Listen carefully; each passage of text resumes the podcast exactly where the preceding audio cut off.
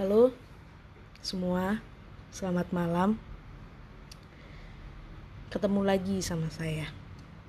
Seharusnya minggu ini menjadi minggu membaca cerpen untuk kalian. Tapi karena entah kenapa tiba-tiba saya nggak mood. Jadi itu sebenarnya udah saya tag, udah tag berkali-kali bahkan sampai uh, dua jam, tiga jam mungkin. Tapi pas saya denger ulang, pas saya denger ulang rekaman saya baca cerpen tuh kayak nggak ada feelnya gitu nggak ada rasanya. Jadi saya memutuskan kayak aduh kayaknya hari ini nggak cerpen dulu deh.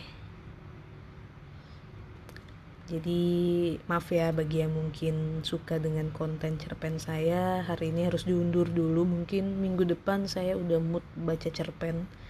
Biar pas kalian denger juga kayak masuk ke dalam cerpen yang saya bacakan itu jadi apa yang mau saya bawakan ke kalian di hari ini? Uh, saya nggak tahu nyebut kontennya apa. Dibilang baca puisi juga bukan.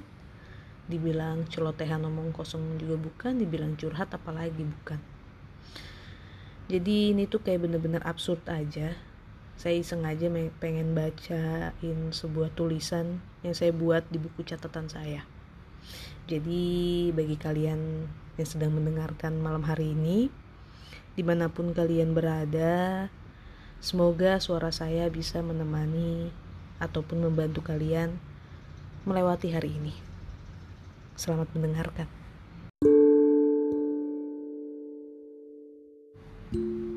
Ini bukanlah sebuah puisi atau sebuah cerita. Tulisan ini saya buat berisikan pemikiran yang mengganggu di beberapa bulan terakhir ini. Semua berawal dari pandemi yang menghantam seluruh dunia dengan begitu hebatnya. Ketakutan, kesedihan, masih berlangsung sampai hari ini. Sebagian mereka ada yang menyembunyikan rasa sedihnya setelah kehilangan orang tersayangnya Sebagian lagi ada yang terseduh hingga air mata yang keluar dari kedua matanya mengering. Semua sudah berubah. Dunia tak lagi sama. Dunia tak lagi sama bagi sebagian atau mungkin seluruh umat manusia di muka bumi ini. Bahkan kata meninggalkan dan, dan ditinggalkan yang sebenarnya sudah lama ada sekarang menjadi sebuah kata yang membuat beberapa orang saat mendengarnya menjadi merasa takut.